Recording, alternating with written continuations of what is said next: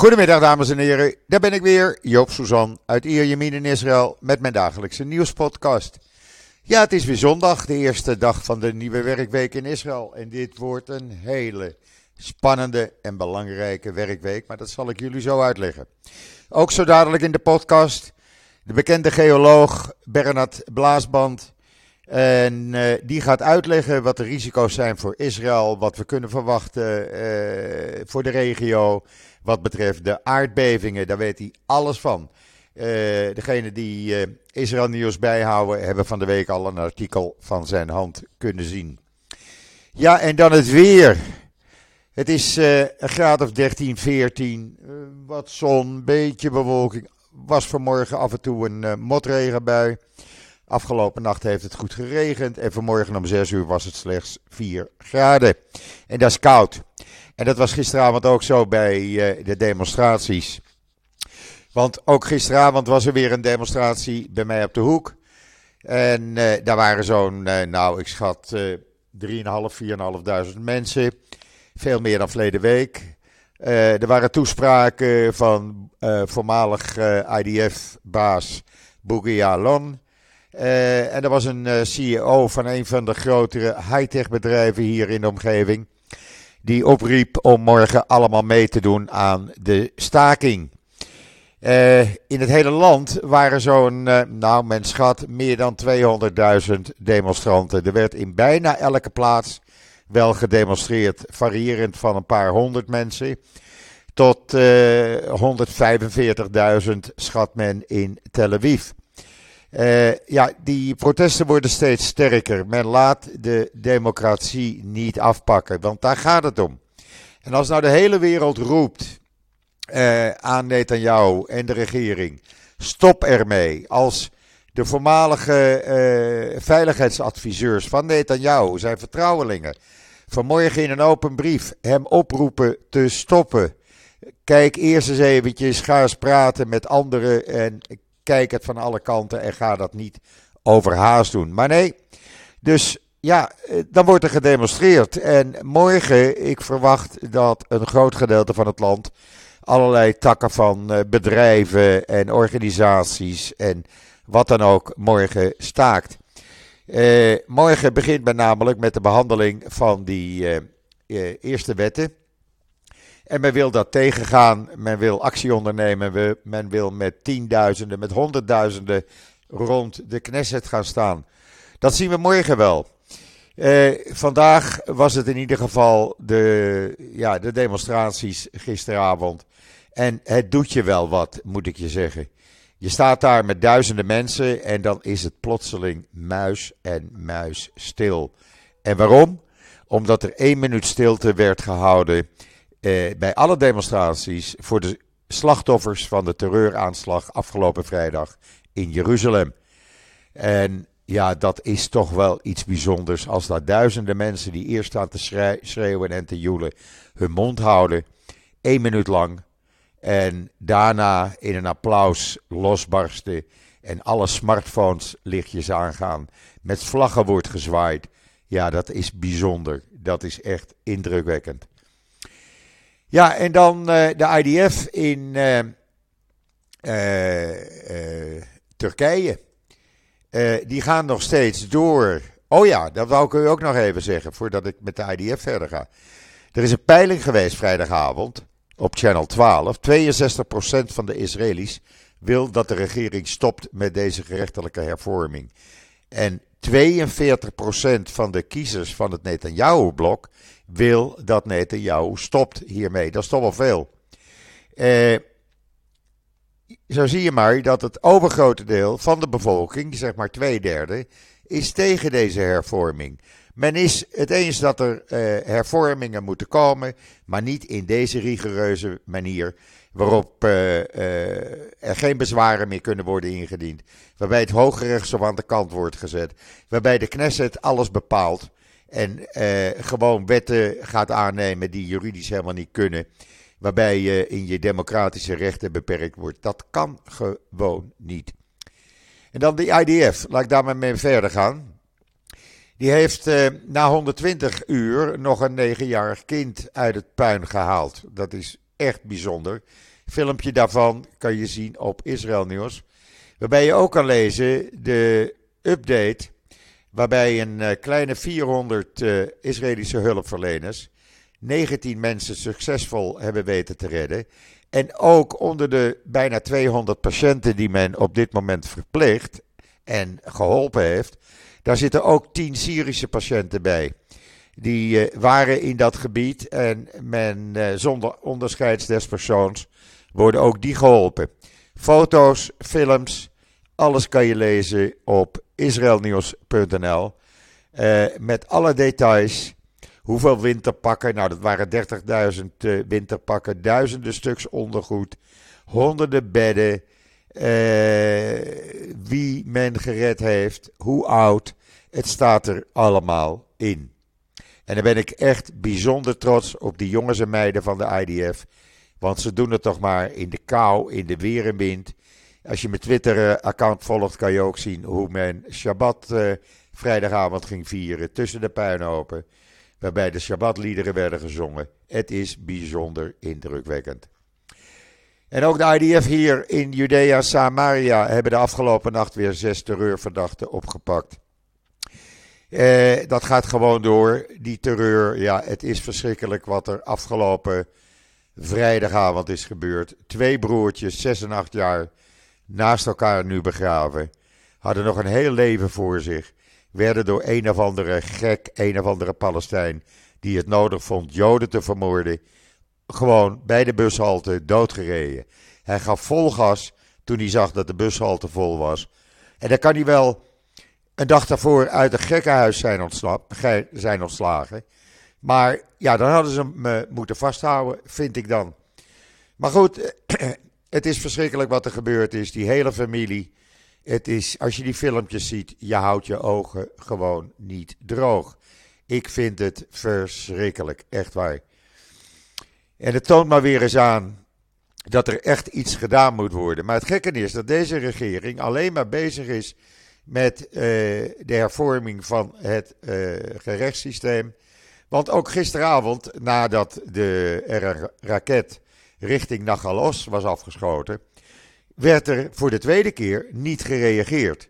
Ja, zegt een van de extreemrechtse ministers, minister van Erfrecht of zoiets. Ja, dan moeten maar eerst de juridische hervormingen worden goedgekeurd. Ja, sorry, maar waar slaat dit op? Het ene heeft niets met het andere te maken. Dit gaat over de veiligheid van ons. Dit gaat over de veiligheid van Israël. En het, heeft, het ene heeft niets met het andere te maken. Maar goed, vandaag begint dat dan. Uh, dan gaan die, uh, die commissie in de Knesset voor de grondwet, grondwet, recht en rechtvaardigheid hervormingen beginnen hun debatten. Morgen wil, wil men al de eerste wetten aannemen. Morgen wil men ook al de wet aannemen om meneer Deri toch weer minister te maken. Ondanks dat het Hoge Rechtshof zegt, dat kan niet. De man is een fraudeur, de man is een oplichter, belastingoplichter. Die kan geen minister worden. Maar goed, sorry. sorry, ik verslik me erin. Maar goed, het gebeurt. En we zullen wel zien wat het allemaal uit gaat pakken deze moeilijke week. Ja, en dan ook meneer Biden heeft gezegd tegen Netanyahu: stop ermee. Dat kan gewoon niet. Eh, je moet een consensus bereiken. Zijn eerste commentaar hierop. Nou, als nou de hele wereld zegt: Netanyahu, stop. Ga dan eens een keertje met anderen praten. En ga niet gewoon door. Of zit je in de houtgreep van extreem rechts? Want dat zou ook nog kunnen. In ieder geval, voormalig Mossad-chef Yossi Cohen, je kent hem nog wel. En alle ex-nationale veiligheidsadviseurs van Netanyahu, want die post bestaat pas sinds 1999 of zo, eh, hebben een, eh, in een brief geschreven: Netanyahu, stop alsjeblieft. Eh, ga eerst met iedereen praten. Probeer een compromis te bereiken. Ga niet koet door. Dat is een brief aan de voorzitter van de Knesset geweest. En uh, ja, het ontbreken van overeenstemming ondermijnt de veiligheid, zeggen deze veiligheidsadviseurs. Nou, als al die mensen dat nou weten, dan luister dan alsjeblieft. En dan hebben we meneer Ben die wordt een groter veiligheidsrisico, kan ik jullie zeggen.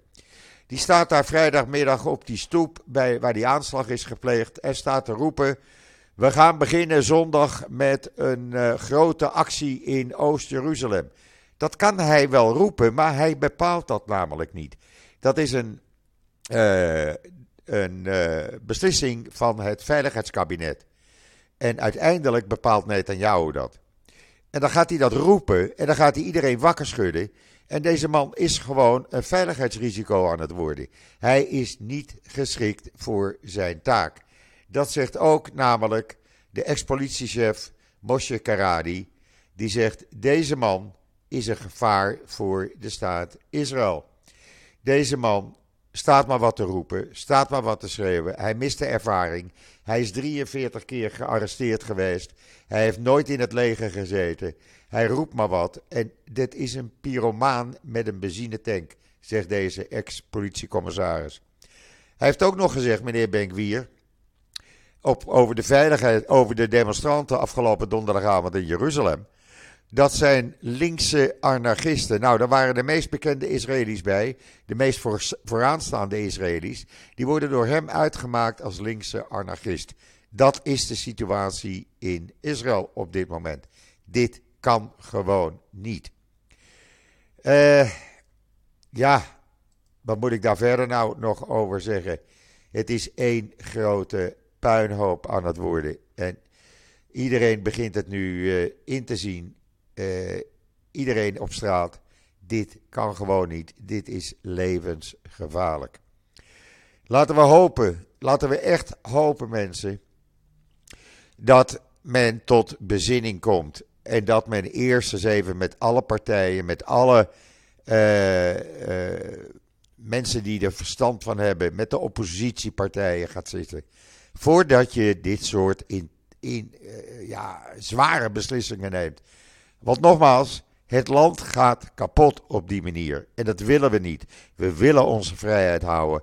We willen onze democratie behouden. En ik zie gisteravond bij mij uh, zie ik iedereen staan. Ik zie daar armen staan. Ik zie daar rijken staan. Ik zie daar uh, jonge mensen staan, kinderen staan. Ja, oude vandaag. En iedereen staat met vlaggen en is doordrongen van het feit dat dit niet verder kan. Dan ga ik nu kijken of ik uh, Bernard Blaasband uh, aan de lijn kan krijgen. En dan gaan we het even over wat anders hebben. Uh, want ja, er moet wat, er moet wat besproken worden, namelijk over wat is het risico voor Israël met deze aardbevingen.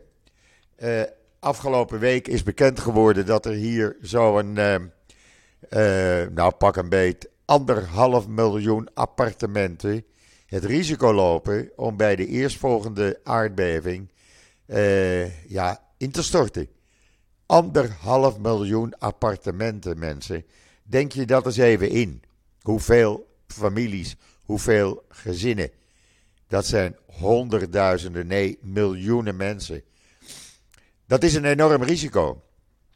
En er is nooit iets gedaan. Er wordt al tientallen jaren gewaarschuwd.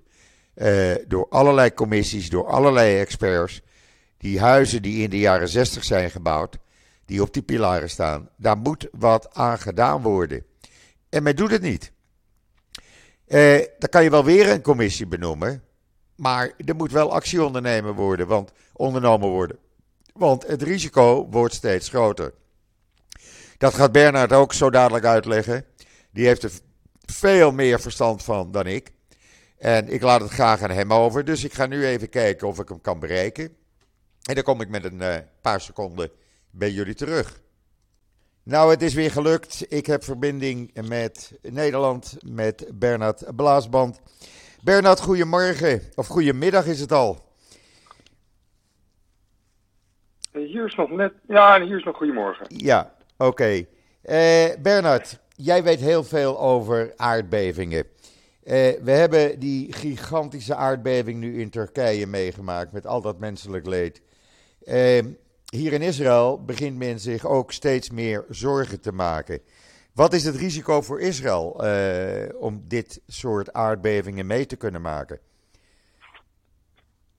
Het risico voor Israël om echt een, een, een magnitude 7 aardbeving, zoals er nu in uh, Turkije is geweest, ja. uh, te krijgen, is iets kleiner.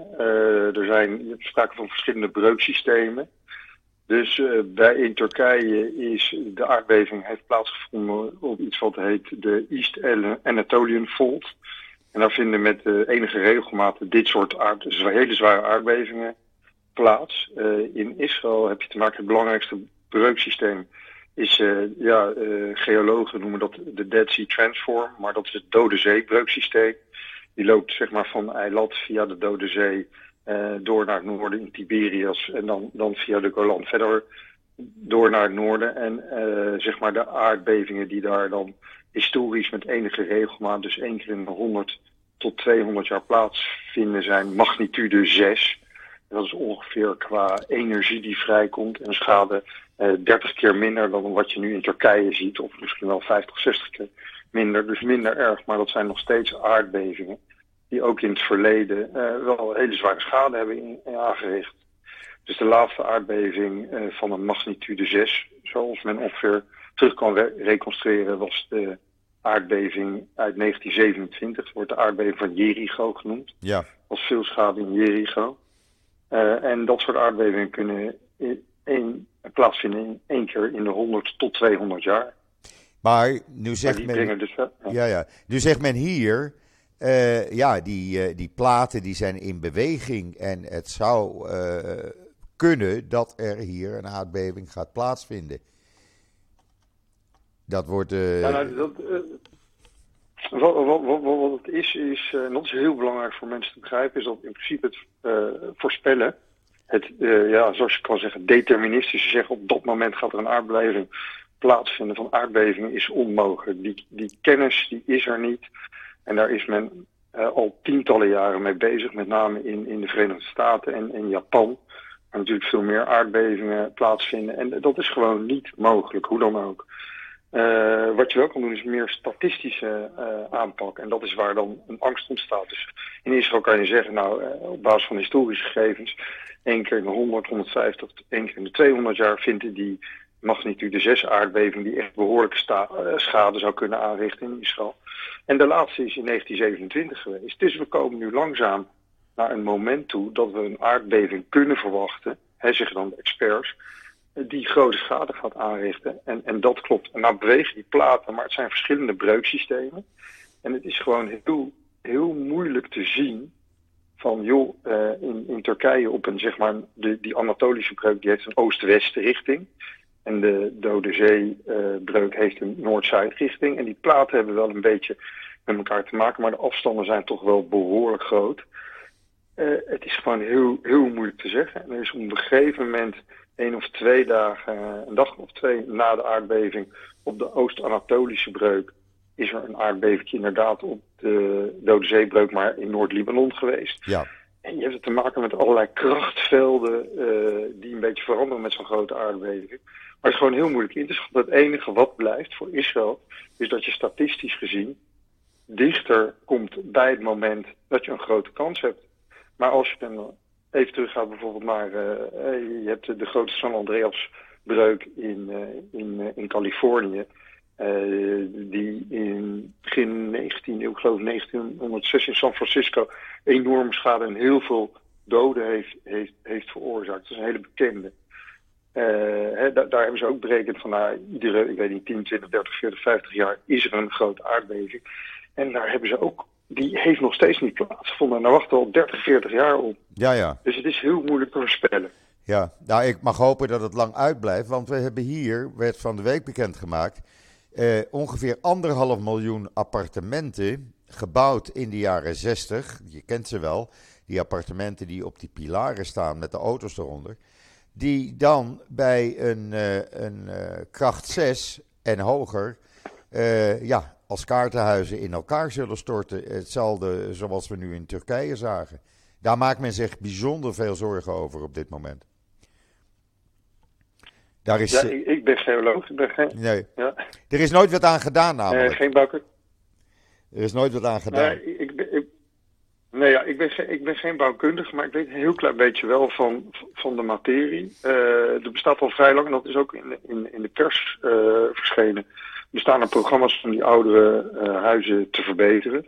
Ja. Eh, dat zijn programma's waar iets van eh, hè, belastingvoordelen aan zaten. Maar dat betekende wel dat mensen zelf moesten investeren. En volgens mij, dat is het TAMA 38 programma, bestaat volgens mij al een jaar of 15 wat ik begrijp. Ja. En het komt gewoon niet van de grond. Nee. En ik ja, ik bedoel, ik ben geoloog, dus ik volg wel altijd wat er rondom aardbevingen gebeurt. Het, het risico is inderdaad heel groot. En, en er moeten mensen, eh, er moeten echt grote stappen worden gemaakt, omdat het de afgelopen jaren niet is gedaan. En we toch, hoe dan ook, maar weten niet wanneer, of het over 10, 20, 30, 40 jaar die volgende grote aardbeving is. Ja. Of over een jaar, dat weten we niet. Eh, volgens mij is eh, zo'n hoeveelheid huizen verbouwen, gaan maar eens de bouwvakkers en de mensen die het gaan uitvoeren ervoor vinden. Eh, met ook toch een huizentekort, wat je volgens mij ook in Israël hebt Ja. gezien, de huizenprijzen. Ik Ja. denk dat er enorme uitdagingen zijn en dat dit wel iets is dat misschien verder gaat dan eh, de huidige regering zou kunnen afhandelen. Ja, precies. In de gebieden trouwens waar afgelopen woensdagavond die kracht, die aardbevingkracht eh, 4,1 of 4,2 voelbaar was, daar bewogen de nieuw gebouwde huizen keurig mee. Die hadden een mooie uitslag van 20 tot 40 centimeter naar elke kant op. Je zag dan wel alles bewegen in de huizen, de lampen en dergelijke, maar voor de rest geen schade, geen scheuren, niets. Dus eh, ja, dat eh, bewijst dat het wel gebouwd wordt volgens de normen. Eh, even over, dat, over Turkije. Hoe, hoe is dit zo'n zware aardbeving kunnen worden? Is daar een verklaring voor? Ja, ehm, eh, Turkije is sowieso, het is een plek waar altijd eh, zware aardbevingen plaatsvinden. Eh, ja, de aarde bestaat eigenlijk, de, de korst, de buitenkant van de aarde bestaat dus al al die platen. En die bewegen. En de wetenschappelijke reden daarvoor is dat de aarde heeft een kern, die is heel erg warm. Daaromheen zit een soort vloeibare mantel, zoals we die noemen. En omdat die kern zo warm is, die vloeibare mantel die gaat ook bewegen. Dan krijg je convectiestromen in.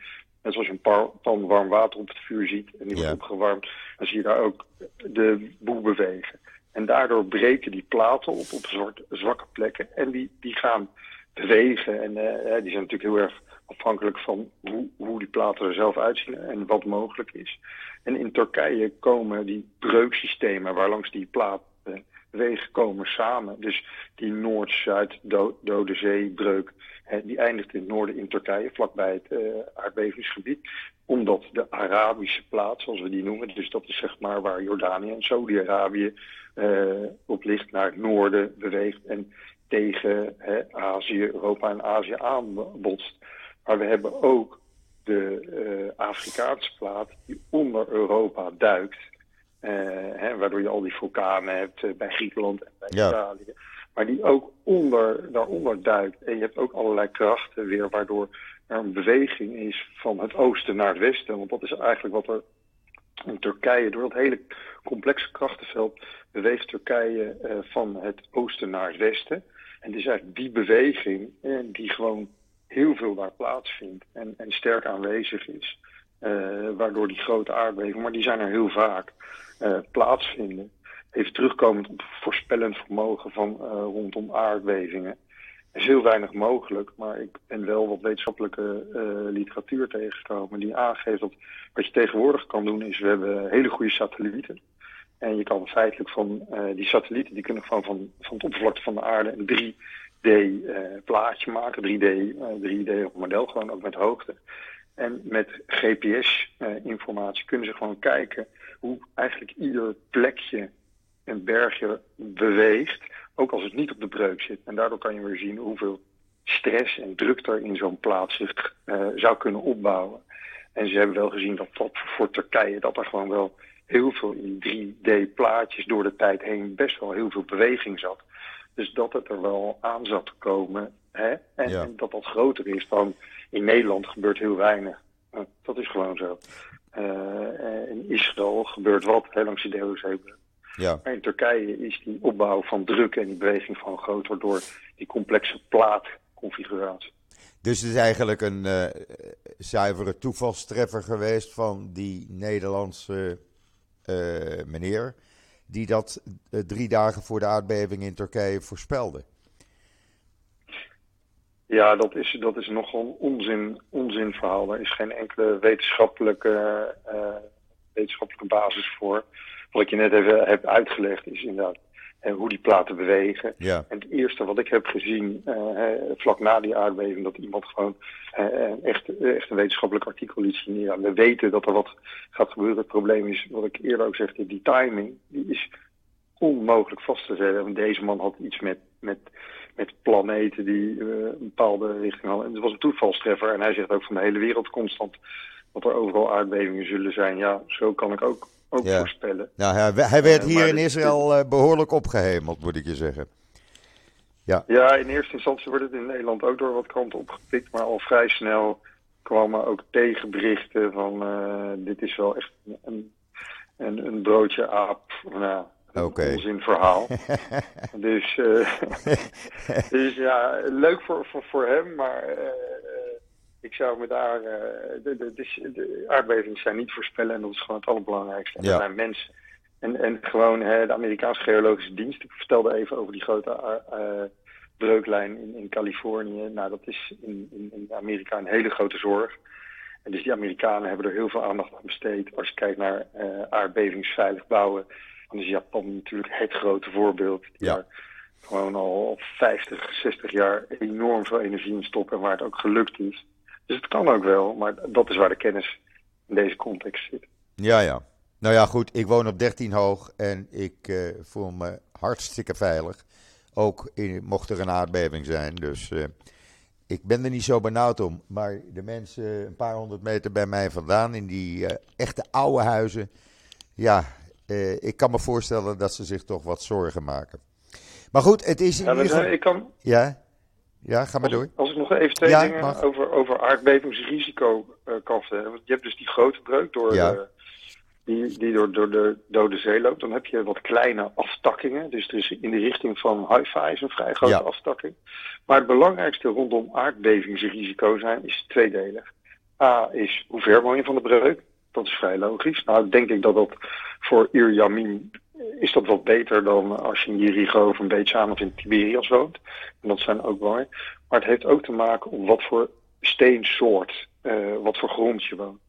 Dus die uh, aardbeving die uh, afgelopen week dus in Israël werd plaatsvond, die in de buurt van Ariel, dat is op een relatief hard gesteente. Als je kijkt naar, naar Jeruzalem is typisch, dat is harde Jeruzalem kalksteen. Ja. Uh, daar zal het effect van de beving minder sterk voelen dan als je op de, ja, wat wij noemen de wat zachtere sedimenten uh, zit, waar Jericho en Tiberias een beetje aan, want het zijn eigenlijk zanden en kleien die vanaf de bergen, uh, hè, vanaf ja, de berg van Juda, zoals we noemen, of de Jordaansbergen, in het vallei zijn gekomen. En daar is het golfeffect veel sterker. Dus op dat soort plekken zal je veel meer schade hebben. Dus ik denk waar jij woont is het risico vanwege de afstand uh, van de breuk niet zo heel erg groot. Niet zo groot. En ik denk dat, ja, in Jeruzalem en zo, er zal schade zijn, maar dat zal iets minder zijn. Ik denk dat plekken als Beetjaan, hier gewoon Tiberias, ja, die zullen heel erg hard geraakt worden ja. bij een aardbeving. Haifa ook, hè? Want daar maakt men zich nu zorgen over die chemische industrie en die olieindustrie. Nou, Haifa ligt op een, op een je, hebt, uh, een, je hebt dus allemaal aftakkingen van die breuken. Ja. Uh, en die hebben vaak een hoek van 30 tot 40 graden. Dat is een, gewoon een heel typische geometrie. En er loopt er een vrij groot, grootste afstakking loopt eigenlijk door, door, door Haifa heen. En dat heet de Karmelbreuk. En die gaat door tot in, in de zee. En uh, als je naar kaartjes kijkt van aardbevingen, zie je ten noordwesten van Haifa ook vaak wat, wat bevingen in zee. En ja, Haifa is vanwege die breuk die er vlakbij loopt alweer een risico. Ja. Nou, het is mij uh, een stuk duidelijker geworden als uh, voordat wij begonnen te praten. Ik begrijp het nou een beetje beter en ik hoop dat de luisteraars het ook uh, begrijpen. want ik kreeg er veel vragen over. Mede naar aanleiding van jouw artikel kwamen er veel reacties. En, dus ik ben blij dat jij even de tijd hebt genomen op je vrijdag om even mijn luisteraars uitleg te geven. ja. Dus ik, ik dank je vriendelijk daarvoor en ik wens je nog een hele fijne voortzetting van deze zondag. Dankjewel. Oké. En tot snel. Ja, absoluut. absoluut. Bedankt Bernard. Oké. Tot ziens. Dag. Dag. Ja, ik hoop dat uh, het jullie allemaal duidelijk is geworden. Mij in ieder geval wel. Ik ben blij dat Bernard even de tijd uh, hiervoor nam. Uh, ja, en voor de rest ga ik me weer wijden aan de spannende uren, dagen en spannende week die voor ons ligt. Uh, inmiddels kreeg ik wel vanuit Nederland van verschillende hoeken van kennissen, vrienden te horen. Joop, jij wordt gezien als een linkse activist. Nou, het zal dan wel. Links ben ik in ieder geval niet. Activist ben ik ook niet. Ik kom alleen maar op voor mijn democratische vrijheden. En uh, laat dat duidelijk zijn. Goed, dan wens ik iedereen nog een hele fijne voortzetting van deze zondag. Uh, we zitten alweer op de 12e februari. Mensen, waar gaat het snel? Ik ben er morgen weer en zeg zoals altijd: tot ziens, tot morgen.